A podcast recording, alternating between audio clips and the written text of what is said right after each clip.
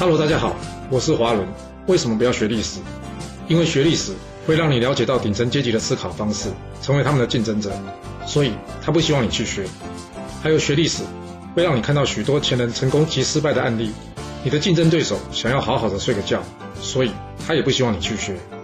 最重要的是，学历史会让你了解人性，你的老板以及同事都希望你保持天真的心，所以他们更不希望你去学。就是因为这些原因，接下来我要跟你说的是故事，而不是历史。今天主题是听说，别只听人说。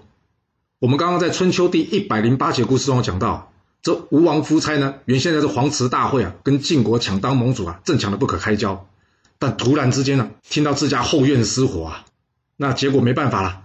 他必须快点结束这场抢盟主的活动，好赶紧回师去救援自己的首都啊！所以他最后决定怎么样？就是好说不行，那就用硬抢的吧。而晋国这边呢，一看到哇，吴国摆开阵势啊，他们没搞清楚吴国到底想干嘛，于是呢，派出了这使者董和啊，去了解一下状况。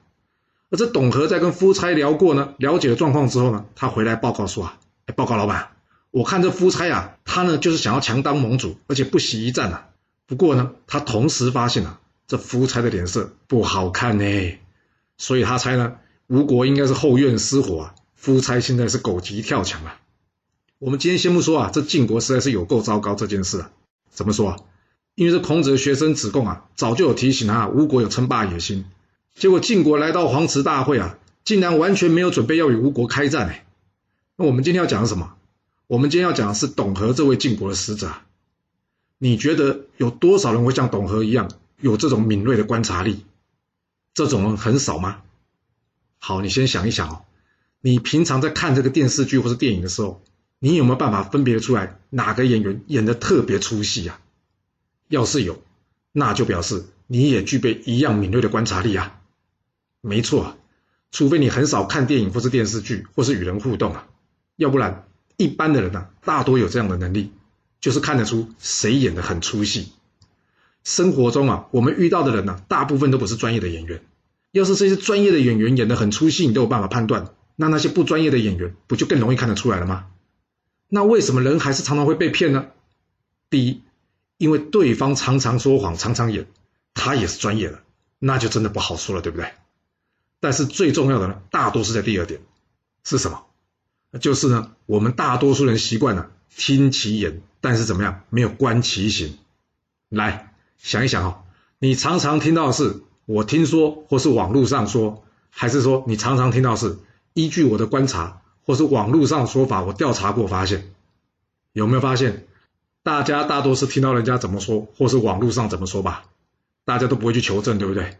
也不会注意对方做的与说的有没有矛盾。这就像你在看电影或是电视剧啊，你把这画面关掉，只听声音一样。在这样的状况下，你觉得你还有办法轻易的判断出谁演的比较出戏吗？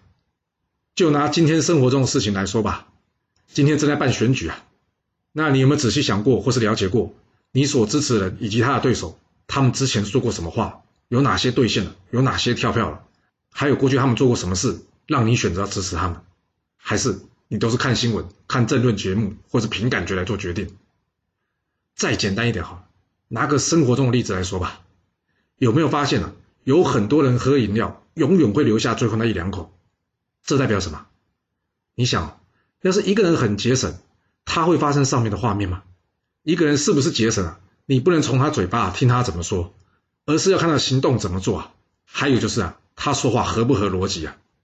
就像我在《五之一之十》中说的那五万元钻石的故事一样，所谓事出反常必有妖嘛，千万不要用你对这个人过去的看法来判断他说话内容。而是要用客观的事实来去判断。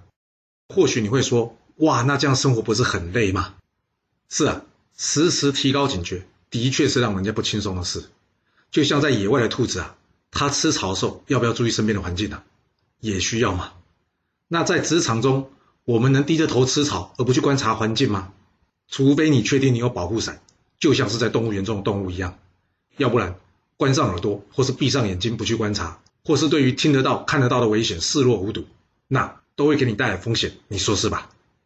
若是您有其他想法也欢迎留言分享你的看法给大家哦。好了我们今天先说到这。如果你就是不听我的劝想知道完整版的故事内容你可以从说明栏找到我爱故事频道的连接不过记住哦你是来听故事的而不是来学历史的。要是您喜欢这个频道麻烦您动动您的手指，追踪、留言，或是给我五星评价的支持以及分享。谢谢您来收听，我们下次再见。